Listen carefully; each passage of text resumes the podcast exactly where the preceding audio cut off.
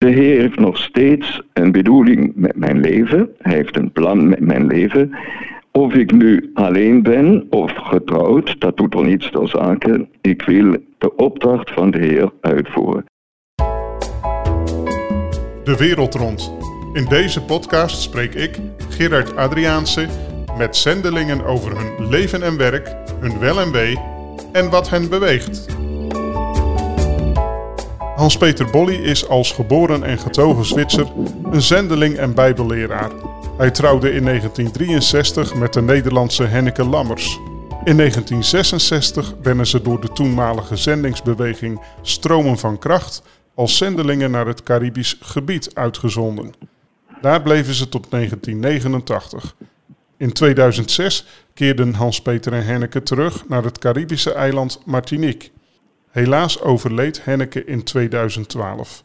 Hans-Peter is nu vooral bezig met het geven van bijbels onderwijs. Vandaag heb ik het genoegen Hans-Peter te interviewen. Hij is op dit moment aan de lijn vanaf het zonnige eiland Martinique, waar hij nog altijd woont en werkt. Hans-Peter, welkom in de wereld rond. Heel hartelijk dank, Gerald. Ik ben blij dat ik dit interview met jou mag doen. Ja, fijn dat je er bent. Hoe maak je het? Wel, het gaat goed met me, door de genade van de Heer. Voor mijn 80 jaar voel ik me nog steeds heel goed. Uh, ik zou zeggen, het enige probleem, dat zijn een beetje mijn ogen. Maar ik heb vertrouwen dat de Heer ook daarin gaat voorzien. Wat kun je ons vertellen over het gezin waarin je bent opgegroeid? Ik ben opgegroeid in een gezin met drie broers en een zus. Ik heb twee broers boven mij, een broer en een zus beneden mij. Mijn moeder was uh, een geboren protestant. Mijn vader was opgeleid in het katholieke geloof. Maar toen ze trouwden wilden ze niet twee verschillende religies in hun gezin hebben. En zodoende werd mijn vader ook protestant. Maar dat was geen uh, bekering van overtuiging. Uh, mijn ouders die gingen misschien twee keer per jaar naar de kerk. En dat betekent dat dus op het geestelijk gebied dat ik daar geen steun van hen kreeg. Dus met andere woorden, toen ik uh, als kind stuurden ze mij naar de zondagschool van de Methodistenkerk. Uh, ik denk dat dat in Nederland ook bekend is. De Methodistenkerk die destijds gesticht werd door de broeders Wesley. En dat heeft toch een indruk op mij gemaakt. En ik denk dat daar het zaad van het evangelie uh, gezaaid werd in mijn hart. Ja, dus als kleinkind. Ja, reeds als kleinkind. Ja. En vertel ons eens wat meer over je jeugd, want je bent opgegroeid in Zwitserland. Precies. Ik heb een heel prettige jeugd gehad. Dus ik uh, groeide op in een bescheiden gezin. Mijn vader was de enige die werkte. Mijn moeder had uiteraard haar handen vol met vijf kinderen. Op 14-jarige leeftijd begon ik klarinetten te spelen. En dat werd mij dan later op het zendingsveld. Daar heb ik veel plezier van gehad, want ik gebruikte het voor de openluchtsamenkomsten en ook in de algemene diensten. En ik denk dat de Heer mij bewaard heeft ook voor de zuigkracht van de wereld. Ja, en als je terugdenkt aan die, uh, aan die tijd van je jeugd, uh, wat is er dan nu anders dan in de tijd waarin jij bent opgegroeid? Dus dat was dan in de jaren 50 dat je bent opgegroeid? Ja, we hadden geen televisie, er bestond nog geen televisie. Uiteraard geen computers, geen tablets, tablets geen uh, mobiele telefoon. We hadden in het begin zelfs geen telefoon. Dus het was een heel andere wereld dan vandaag. Ja, Hans-Peter, je geeft onderwijs vanuit de Bijbel. Maar hoe heb je zelf een persoonlijke relatie met de Heer Jezus gekregen? Dus uh, dan heeft een jeugdvriend een grote rol gespeeld. Ik zou zeggen, over een periode van tien jaar heeft hij mij van tijd tot tijd iets over de Heer verteld. Hij was degene die mij mijn eerste Bijbel gaf, toen ik ongeveer 14 jaar oud was. En toen ik 18 en een half jaar oud was, kwam hij langs op een zondagnamiddag in de maand februari 1961 hij had de auto van zijn vader. In die tijd hadden de meeste mensen nog geen auto. Dus hij nodigde me uit voor een ritje. Maar dat ritje dat duurde misschien drie kilometers. Ik bevond me plotseling in een evangelisatiesamenkomst. Dus eh, die hele uitnodiging voor een rit was in feite een soort val. En daar heb ik het evangelie op een heel duidelijke wijze gekend. Ik moet zeggen dat ik op 16-jarige leeftijd beleidenis deed in de gereformeerd evangelische kerk van Zwitserland. Maar dat was een puur traditionele gebeurtenis. Met andere woorden, er veranderde niets in mijn leven. En toen, toen ik daar het evangelie hoorde, op die zondagnamiddag, deed de evangelist een uitnodiging tot bekering. En na een innerlijke strijd heb ik ook te kennen gegeven dat ik Jezus als mijn heiland wilde aanvaarden. En dus op deze zondagnamiddag vond mijn bekering plaats. En daar heeft dus mijn vriend een grote rol gespeeld. Mooi, wat bijzonder. Ja, en eh, hoe veranderde je je leven toen? Kon je toen ook iets merken? Ja, zeker. Dus ik begon een kleine evangelische kring, eh, kerk te bezoeken. Begon mijn Bijbel te lezen, want uh, regelmatig, want die evangelist gaf ons dus de raad om een half uurtje vroeger op te staan, om tijd te hebben voor het lezen van de Bijbel en voor gebed. En dat ben ik ook begonnen. En er is duidelijk dus een verandering in mijn leven gekomen. Ik, uh, een poos lang, ongeveer een, een, kleine maand lang, heb ik uh, de pijp gerookt, dus voor mijn bekering.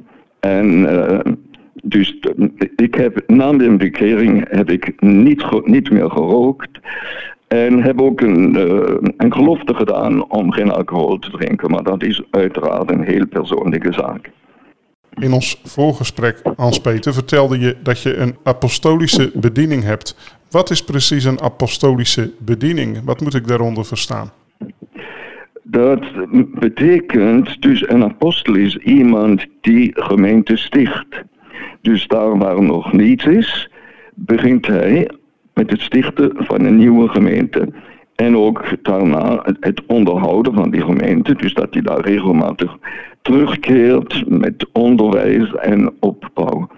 En dus op deze wijze mochten wij in diverse landen gemeenten stichten. Dus het begon in België. In Martinique hebben wij een hele reeks gemeenten mogen stichten. En later, toen wij in Frankrijk woonden, hebben wij eveneens een gemeente gesticht.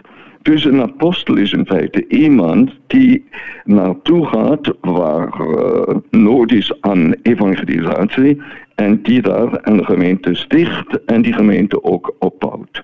Dus dat is een samenvatting van de apostolische bediening.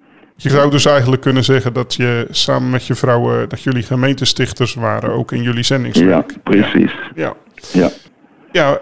Je lieve vrouw Henneke is helaas alweer tien jaar geleden overleden, Hans-Peter. Hoe leerde je haar kennen?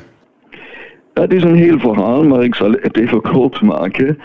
Eind 1961, dus ik was uh, bijna een jaar bekeerd, begon ik te werken op het kantoor van de Amerikaanse evangelist T.L. Osborne in Büderich bij Düsseldorf in Duitsland. En een paar maanden later kwam daar ook Henneke te werk.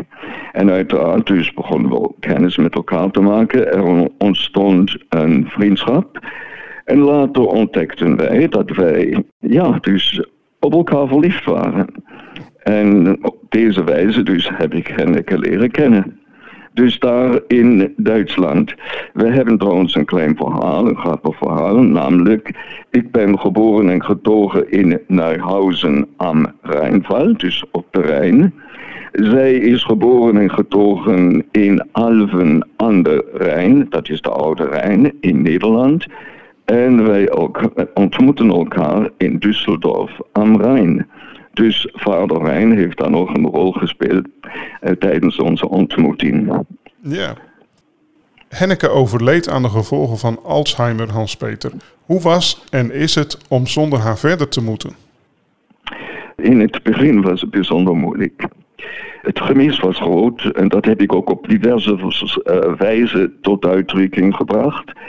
Ik schrijf regelmatig gedichten en heb dus deze dit gebrek aan haar aanwezigheid ook in gedichtvorm tot uitdrukking gebracht. Ik zou zeggen, tien jaar later is daar nog steeds een gevoel van gemis. Ik heb het uh, vergeleken met een amputatie. Als een arm of een been geamputeerd wordt, zo onderging ik, zo ervoer ik dus haar uh, overlijden. In die tijd heb ik, dus na haar overlijden, heb ik een dakloze jonge zwerver heb ik eh, opgenomen in mijn uh, woning. En die vroeg mij, heette Jonathan. En hij vroeg, heb je gehuild na het overlijden van Henneke? Ik zei, ja. Hij zei, heb je veel gehuild? Hij drong erop aan. Ik zei, ja. Dus met andere woorden, dus het gebrek was echt groot. Maar er was één ding wat ik even moet benadrukken. En misschien spreek ik nu voor iemand die zich in een soortgelijke situatie bevindt. Namelijk, ik wist, het leven gaat door. En de Heer heeft nog steeds een bedoeling met mijn leven. Hij heeft een plan met mijn leven. Of ik nu alleen ben of getrouwd, dat doet er niets ter zake. Ik wil de opdracht van de Heer uitvoeren. En ik denk dat dat mij werkelijk uh, veel geholpen heeft om het verlies te verwerken. Dank dat je dat met ons wilde delen. Uh, terug naar jullie tijd als zendeling, uh, Hans-Peter. Hoe kwamen Henneke en jij destijds erachter dat God jullie riep voor de zending? Wel, ik was ongeveer zes maanden bekeerd toen ik het verlangen kreeg om het evangelie uit te dragen. Het was zakelijk een sterk verlangen en ik ervoor in mijn binnenste dat de Heer mij geroepen had om als zendeling te gaan werken. Dus dat was een innerlijke overtuiging. En Henneke heeft dat op een soortgelijke wijze ervaren. Het verlangen van Henneke was om het evangelie met andere mensen te delen.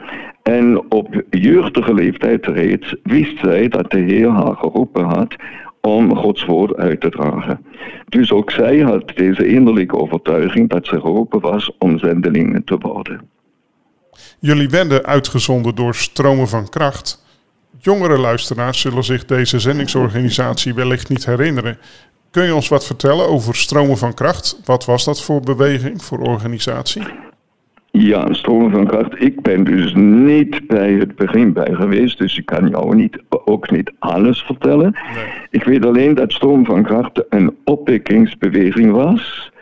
Eh, de nadruk van hun boodschap was op de doop in de Heilige Geest, het gebruik van de gaven van de Geest en ook zending. Ze hadden echt een zendingsvisie.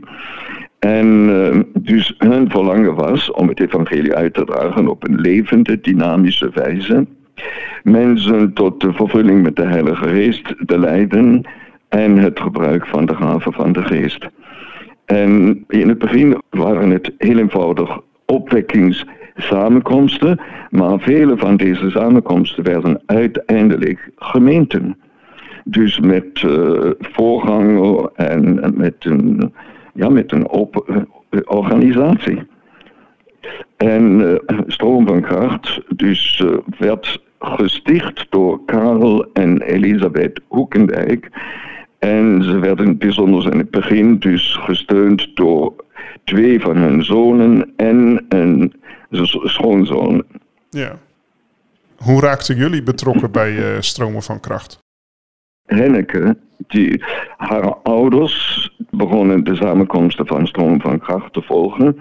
Dus Henneke heeft daar dus uh, kennis gemaakt met het volle evangelie. En toen ik uiteraard, toen ik uh, haar leerde kennen, heeft zij mij daar geïntroduceerd. En we hebben later ook een bijbelcursus gevolgd, uh, geleid door Karel en Elisabeth Hoekendijk. En daar hebben we met hen ook onze roeping voor de zending gedeeld. En ze vatten dit serieus op. En zodoende hebben wij dus later ook het voorrecht gehad om door hen uitgezonden te worden. Ja. Hoe hadden jullie zich voorbereid op het zendingswerk? Je had het natuurlijk al over die bijbelstudies die jullie ontvingen. Maar was er verder ook nog iets uh, wat jullie aan voorbereiding hadden gedaan? Ik moet zeggen, ik geloof dat dit het zwakke punt van Stroom van Kracht was. Hun leuze was, de wereld had verloren. Het evangelie moet verkondigd worden. Mensen moeten gered worden, geen tijd voor lange theologische studies en opleiding. En uiteraard, als je dan eens op het zendingsveld staat, je leidt mensen tot de Heer, dan ontdek je dat je hen ook verder moet leiden. En dat betekent dat je je Bijbel zelf moet ook kennen. Dus uh, wat de opleiding, de voorbereiding voor het zendingswerk betreft, dat was uh, niet bijzonder goed, zou ik zeggen. Maar we werden dus in 1964 voor twee jaar naar België uitgezonden. En dat was een bijzonder moeilijke tijd voor ons. Maar het was ook een bijzonder nuttige tijd. Het was een tijd waar wij de Heer zochten, vasten, bidden, de Bijbel onderzoeken. Het was in feite voor mij werkelijk de voorbereiding voor het verdere zendingswerk in de Caribiek. Ja. En in 1966 kwamen jij en Henneke dus aan in het Caribisch gebied. Was dat gelijk op Martinique, waar je nu ook woont? Nee, absoluut niet. Dus wij gingen samen met uh, Karel en Elisabeth Hoekendijk en twee andere jonge dames. En we brachten de eerste zes weken door op het eiland Sint Vincent, waar Stroom van Kracht destijds een geweldige opwekking meegemaakt had en waar een bloeiende gemeente ontstaan was. Daarna gingen wij, en daar waren wij in feite voor eh, bestemd, om op Sint Maarten te werken. Maar wij bleven daar alleen 2,5 maanden en toen werden wij verzocht om Kees en Vieke Goedhart, die op Sint Lucia, dus het buureiland van Martinique, werkzaam waren, te vervangen voor een poos. Wij bleven daar ongeveer vijf maanden. Toen Kees en Vieke weer terug waren, vonden zij dat twee zendelingen op een klein eiland als Sint Lucia te veel was. En zodoende richten wij onze interesse naar het pure eiland Martinique. En daar in juni 1967 hielden wij onze eerste evangelisatiecampagne samen met Kees. Hij was trouwens de spreker, de evangelist, ik was de tolk. En tijdens die uh, eerste week van evangelisatie kwamen ook de eerste mensen tot bekering. Dus het was in 1967 pas dat wij op Martinique aankwamen. Ja, inmiddels alweer ruim 50 jaar geleden. Ja, precies. Henneke en jij kregen ook drie dochters. Hoe was het om zendeling te zijn met een jong gezin? Oh, ik denk dat dat geen groot verschil is met een gezin uh, in Nederland. Je moet heel eenvoudig voor je kinderen zorgen. Oké, het is waar dat wij vaak s'avonds op stap waren, want samenkomsten die vinden plaats uh, op uh, s'avonds, zowel onze openluchtsamenkomsten, evangelisatiesamenkomsten, als ook de diensten, dus voor bijbelstudie enzovoort. Uh, vaak namen wij de kinderen mee, of dan bleef Henneke achter, of wij vonden iemand die op de kinderen konden passen, terwijl wij dus in de dienst waren. Maar ik moet wel even toevoegen dat ik in het begin misschien te veel tijd besteedde aan het werk. En dat ik uh, zelfs mijn lieve vrouw en ook mijn oudste dochter een beetje verwaarloosde. En de Heer daar krachtig berispt. En ik zou dit als een waarschuwing willen uiten voor iedereen die in een soortgelijke situatie verkeert als ik. Neem tijd voor je vrouw, neem tijd voor je gezin. Dus hij heeft me dan gecorrigeerd en ik heb die correctie ook aanvaard. En voor beterschap gezorgd. Ja. En voor, jullie kinderen, hoe was het om op te groeien in een andere cultuur? Zijn het dan eigenlijk ook wat uh, we binnen de zending uh, Third Culture Children uh, noemen? Dus zeg maar kinderen die dus eigenlijk een mix hebben van verschillende culturen? Zie je dat terug in je kinderen? Heeft dat een invloed op ze Ja, in een, in een zekere zin ja.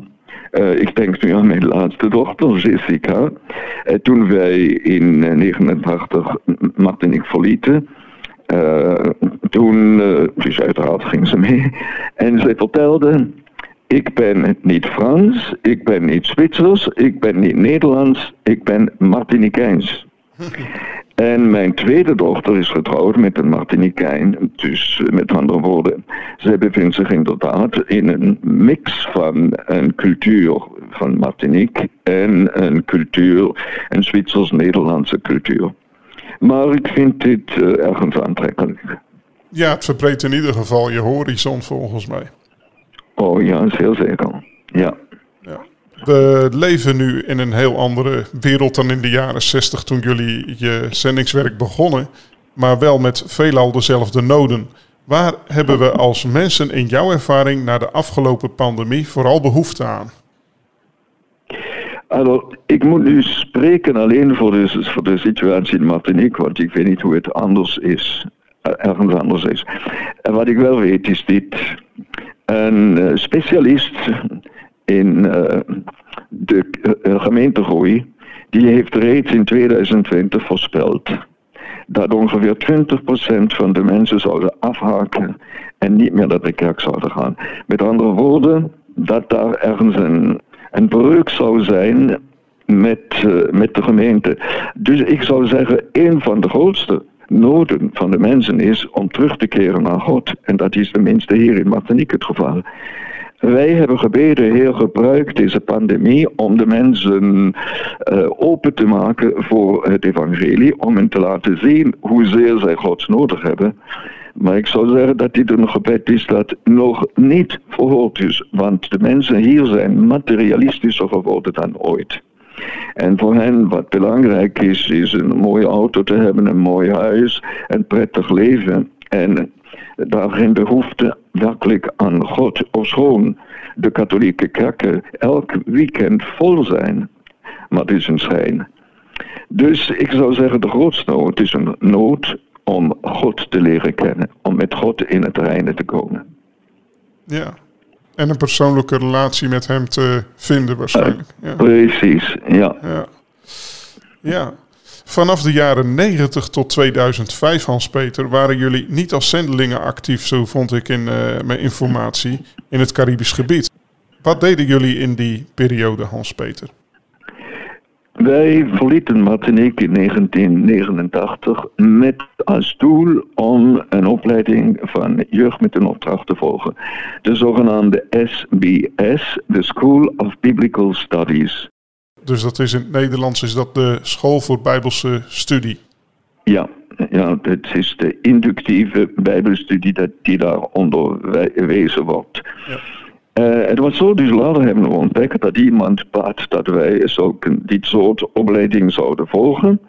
En uh, ik heb dus ontdekt dat daar die school bestaat. En uh, ja, dat was een interesse inderdaad om deze opleiding te volgen.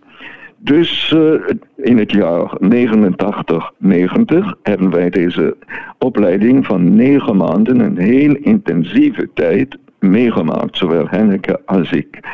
En ik moet zeggen dat dat een hele omkeer bewerkt heeft in de wijze waarop ik de Bijbel vandaag lees, bestudeer en onderwijs. Na 90 moesten we weten wat, wat is het plan van de Heer, wat gaat nu gebeuren. En de Heer leidde ons, ik ga nu niet in alle details, de Heer leidde ons naar Frankrijk. En wel naar de stad Rouen in Normandië. En daar begonnen wij met evangelisatiewerk en wij stichten daar een gemeente. Dus we waren weer zendelingen, maar dit keer in Europa. En ik zou zeggen dat Frankrijk misschien meer behoefte heeft aan zendelingen dan Martinique vandaag. Zodoende bleven wij dus daar een hele poos werkzaam met uh, evangelisatie, met het opbouwen van de gemeente. Maar ik ben dus ook, wij zijn betrokken bij een uh, klein kerkgenootschap. Waar wij ook een inbreng hadden en ik nog steeds heb. Dus er zijn een aantal gemeenten waar wij destijds regelmatig ook uitnodigingen kregen voor bijbels onderwijs om te steunen. Het waren vaak jonge voorgangers die uh, behoefte hadden om uh, opgeleid te worden, om onderwijs te krijgen. En dus dat was een deel van onze missie daar in die tijd in Frankrijk. Uh, Frankrijk staat dus bekend als een moeilijk zendingsveld. Iemand noemde het zelfs als de begraafplaats van zendelingen, omdat er heel wat zendelingen het land weer verlieten omdat ze teleurgesteld en ontmoedigd waren vanwege de weinige resultaten. Ja. Dus Frankrijk heeft, heeft echt onze gebeden nodig. Ja, en in de podcast kunnen mensen ook nog luisteren naar een uh, podcast die ik had met Annemarie Lebrun. En die is jou ook wel uh, bekend, Hans-Peter. Ja, zeer zeker. Ja, ja. Zij gaat daar ook uh, verder op in de situatie in ja. Frankrijk. Ja. Ja, we hadden het er al even over, Hans-Peter. Gelovigen gaan, zo lijkt het na corona, minder vaak naar de kerk. Wat zou volgens jou een goede reden zijn om regelmatiger te gaan? Heel goede vraag. Ik heb daar een aantal antwoorden op. En in eerste plaats, dus uh, laat ons een kijkje doen op de eerste gemeente. De eerste 3000 bekeerlingen op de Pinksterdag, daar staat geschreven in mijn Bijbel, Handelingen 2, vers 42, zij bleven volharden bij het onderwijs der apostelen en de gemeenschap. In het Frans staat daar de gemeenschap der broeders het breken van het brood en de gebeden. Met andere woorden, vanaf het begin was daar een gemeente en een, een verlangen om tot de gemeente te behoren. Wij zijn net klaar, ik behoor tot een gemeente, dus ik spreek elke zondag in verschillende gemeenten, maar ik heb een, wat ik in het Frans noem, een port d'attache, dus een, een gemeente waar ik ook uh, meedoe aan de activiteiten. En wij zijn net klaar met de 40 dagen. Samen gaat het veel beter. Dus het gemotiveerde leven is van Rick Warren. En de nadruk wordt gelegd op de uitdrukking de een, de ander, of elkander. Met andere woorden, dus je kunt alleen elkander dienen, liefhebben, de lasten van elkander dragen. Als je samenkomt, dan hebben we het beeld van het lichaam. Paulus vergelijkt de gelovigen met een lichaam met de verschillende delen, leden.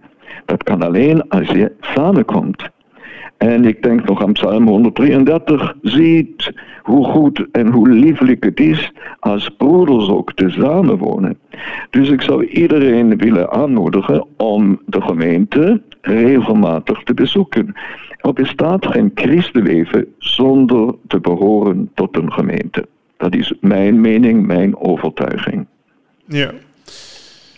Je geeft Bijbels onderwijs. En je hebt daar dus een speciale opleiding voor gevolgd. Hoe ziet die opleiding er eigenlijk precies uit? Ik, ik weet zelf ook iets van jeugd met opdracht. En op Hawaii heb ik uh, die school ook bezig gezien. En daar begreep ik dat je in negen maanden vijf keer de Bijbel doorgaat. Kun je in het kort iets vertellen over wat iemand die zo'n school doet te wachten staat? Uh, wat er in die negen maanden gebeurt? Dus inderdaad, je bent genoodzaakt om de Bijbel vijf keer te lezen. Uh, de eerste keer in één ruk, elk boek. Uh, dat is makkelijk voor 2 en 3 Johannes, uh, voor Filemon. Maar als je het langste boek, en dat is Jeremia, dus dat neemt 4,5 uur ongeveer om het in één uit te lezen. Dus de bedoeling is om deze inductieve approach uh, toe te passen aan elk boek. Dus we kregen onderwijs voor elk boek van de Bijbel. Moesten ook uiteraard de boeken uitpluizen, zoveel dat mogelijk was binnen deze tijd van negen maanden. Maar het was dus een zeer intensieve tijd. Maar dus zoals gezegd, ik heb geleerd om de Bijbel op een andere wijze te benaderen. Dus met deze inductieve studiewijze, waar je dus niet vanuit uitgaat, dus je wil iets bewijzen en je zoekt hier een tekst en daar een tekst, maar je gaat eerst naar het boek zelf en dat ga je onderzoeken. Dus er is een studiemanier die je op uh, die helpt om de Bijbel beter te begrijpen en ook beter te kunnen uitleggen. Ja. Wat is het belang van het lezen van de Bijbel voor een gelovige, Hans-Peter? Ik denk aan 2 Timotheus, hoofdstuk 3, versen 16 en 17, waar Paulus het volgende zegt. Elk van God ingegeven schriftwoord is ook nuttig om te onderrichten, te weerleggen, te verbeteren en op te voeden in de gerechtigheid, opdat de mens Gods volkomen zij, tot alle goed werk volkomen toegerust. Volgens mij zou het het verlangen van iedere oprechte christen moeten zijn om een mens gods te worden die volkomen is en die tot alle goed werk volkomen toegerust is. En dat gebeurt alleen door het woord van God, want het is het geïnspireerde woord van God. Anderzijds, Petrus zegt dat het woord ons helpt om op te wassen tot zaligheid. En we willen allemaal dus behouden worden. Dus het woord van God speelt ook daar een rol. Ik denk aan de vermaning van de Heer aan Joshua, toen hij zijn bediening begon. En je kent de beroemde vers 8, waar de Heer uh, oproept om het woord van God dag en nacht te overpeinzen. En dit om voorspoedig te zijn in al zijn ondernemingen. Met andere woorden, je kunt geen werkelijk christenleven leven zonder dat je ook tijd neemt voor Gods woord. En dan denk ik nog aan wat de psalmist in Psalm 119 zegt.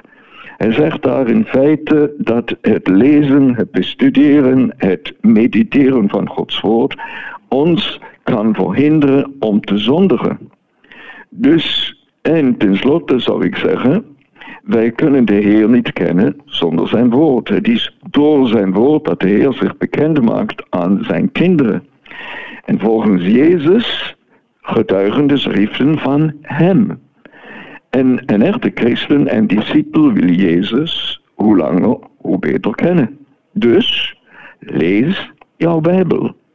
Bestudeer jouw Bijbel. Dat is mijn, mijn oproep en mijn mening. Ja, ja en Hans-Peter, als er nu mensen zijn die, die zeggen van ja, ik, ik ken God niet echt en ik ben eigenlijk echt nog op zoek naar God. Wat is voor die persoon het belang van het lezen van de Bijbel? Ik denk dus dat de Bijbel een, een spiegel is.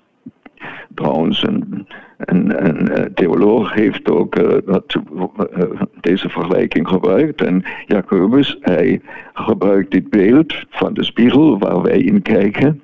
De Bijbel is een spiegel en ik geloof dat door het lezen van de Bijbel ook een ongelovige juist dus God kan leren kennen, God kan ontmoeten. Ik denk aan een geval, we hebben destijds toen we nog in België werkzaam waren, een Bijbel verkocht aan een, aan een Zwitserse dame. En toen wij haar later weer ontmoetten, zei ze, had ik de Bijbel maar vroeger gelezen, dan had ik niet zoveel gezondigd. Met andere woorden, door het lezen van de Bijbel, en ze was nog geen kind van God, kwam zij tot ontdekking dat zij een zonderes was. En dat het lezen van de Bijbel ons van de zonde kan weerhouden. Ik zou dus aanraden iemand die op zoek is naar God om de Bijbel te lezen. Dat is dus een van de middelen die de Heer gebruikt om iemand tot zich te trekken. Ja. Ja, en tegenwoordig is de Bijbel voor iedereen gratis te downloaden. Maar toch is het vaak lastig om Gods woord dagelijks te lezen. Heb je tips voor ons die ons daarbij kunnen helpen? Ja, dus in, eerste plaats denk ik hier wat de navigatoren onderwijzen. Dus dat is een, uh, een organisatie die. Ja, de, de, sorry, de, de navigators noemen we dat. Uh, de navigators ah, ja, dat in Nederland. Oh. Ja. Oké, okay, dus de navigators. Uh, je weet misschien dat zij het over vijf manieren hebben om de Bijbel te lezen. Ze zeggen wij kunnen luisteren naar Gods woord. Wij kunnen het lezen. En als ik zeg lezen, dan moedigt de mensen aan om altijd een heel boek te lezen. Niet zomaar de Bijbel open te slaan, weet je. Wij kunnen Gods woord bestuderen. Wij kunnen het uit het hoofd leren. En wij kunnen het mediteren. En als ik heb over mediteren, dan denk ik dus aan het houden van stille tijd. Mijn vraag is, wat zijn mijn prioriteiten? Als ik werkelijk God lief heb, en als ik op Hem wil lijken, als ik wil groeien in mijn kennis, dan neem ik tijd voor de Bijbel. Het is een heel eenvoudig en belangrijk en onmisbaar instrument voor mijn geestelijke groei en mijn voorbereiding op de eeuwigheid. Dus ik zou zeggen, kies een uur voor je stille tijd en wees erin gedisciplineerd. Ten tweede, bepaal de duur van jouw stille tijd En ik zou zeggen dat tenminste een kwartier nodig is om een tekst te mediteren. Indien mogelijk meer. En koop je tijd uit. Gebruik de tussen aanhalingstekens verloren momenten. Ik heb altijd een pocket Nieuw Testament bij mij, dat heb ik in de auto liggen. Als ik ergens moet wachten op iemand, dan lees ik in mijn Nieuw Testament. Ik neem het mee als ik bijvoorbeeld een afspraak heb bij de arts, waar ik weet ik moet daar misschien urenlang wachten. Dan neem ik mijn Nieuw Testament mee en koop de tijd uit. En dan is er nog een andere mogelijkheid om met Gods woord bezig te zijn, namelijk uh, lees een hoofdstuk aan tafel na de maaltijd. Die deed mijn lieve schoonvader elke dag twee keer. En op deze wijze hebben dus hun kinderen heel wat van de Bijbel geleerd. Dat, dat was vroeger ook wel de gewoonte, denk ik. Want zo ben ik inderdaad ook opgevoed ja, in Nederland. Precies, ja. ja. Maar hoe dat uh, tegenwoordig gaat, ik denk dat het uh, niet meer zo gebruikelijk is als dat het uh, in mijn jeugd was. Ja, maar soms zijn oude gewoontes goede gewoontes. dus in elk geval, je vraagt mij dus wat, wat mijn raad is om, om, de mensen aan te moedigen om de Bijbel te lezen. Ik zeg, dat is een van de manieren. En dan zou ik nog zeggen, dus naast jouw stille tijd probeer telkens hele Bijbelboeken te lezen. En als het niet anders kan, beperk je tot één hoofdstuk per dag, maar doe het. Nog eens, het is een kwestie van prioriteit. Ja. En soms, bijvoorbeeld uh, toen ik, uh, ik woon nu in het dorp Lamontin. En toen mij die woning getoond werd, was er een televisie in. Maar toen ik uiteindelijk dus uh, de woning in bezit nam, was de televisie verdwenen. En ik ben er echt niet boos op. Want vaak is de televisie een dief, een tijddief. Dus als je werkelijk van God houdt, dan is het lezen van de Bijbel een prioriteit. Ja, duidelijk. Ja. Uh, waar ben je momenteel zoal mee bezig, Hans-Peter? Wel, ik heb dus uiteraard mijn, al mijn diverse samenkomsten, bijbelstudies, uh, ik ben nog steeds bezig met radioprogramma's. En uh, ik ben ook, ik heb vermeld dat, uh, dat ik nog steeds lid ben van een klein kerkgenootschap in Frankrijk. En dan heb daar ook nog een inbreng. Bijvoorbeeld, ik ben nu bezig met een studie over het klaarmaken van een nieuwe generatie van leiders en bedieningen. Dus een uitdaging voor de voorgangers om nieuwe bedieningen te ontdekken en op te leiden. Dus op deze wijze zijn mijn dagen goed gevuld. Ik heb ook nog steeds pastorale gesprekken. Uh, krijg belletjes, dus bijvoorbeeld uh, gisteren nog een, een, dame die mij vertelde dat ze net van haar man hoorde dat hij niet meer van haar hield. Ja, zo iemand moet je dan even gaan steunen, bemoedigen, vertroosten. Dus mijn dagen zijn heel goed gevuld. Ja, en bijzonder op een 80-jarige leeftijd om nog zo actief te zijn, ook voor God, Hans-Peter. Ja, het is voor mij een genoegen en een voorrecht om dit te mogen doen. En ik hoop dat ik het mag doen tot mijn laatste ademtocht. Hoe kunnen we voor jou en het eiland Martinique bidden, Hans-Peter? Voor mijn gezondheid. Ik heb uh, vermeld dus dat ik een beetje problemen heb met mijn ogen. Bijvoorbeeld s'nachts kan ik niet meer rijden. Dus ik heb altijd iemand nodig die mij naar de diensten rijdt. Uh, dus voor mijn gezondheid, maar ook voor de inspiratie van de Heilige Geest bij het voorbereiden van bijbelstudies, boodschappen, uh, radioprogramma's. En wat Martinique betreft, dat de Heer de harten van de bevolking aanraakt en dat nog een groot aantal Martiniquijnen de Heer mogen ontmoeten, leren kennen en dat zij tot echte wedergeboren christen mogen worden. Dat zijn dus de meest belangrijke gebedsonderwerpen. Ja, tot slot, wat is de beste manier voor luisteraars die dat willen om uh, met je in contact te komen? Uh, ik zou zeggen via e-mail. Ja, zal ik dat gelijk doorgeven? Dat is hp.bolli apenstaartje w-a-n-a-d-o-o.fr.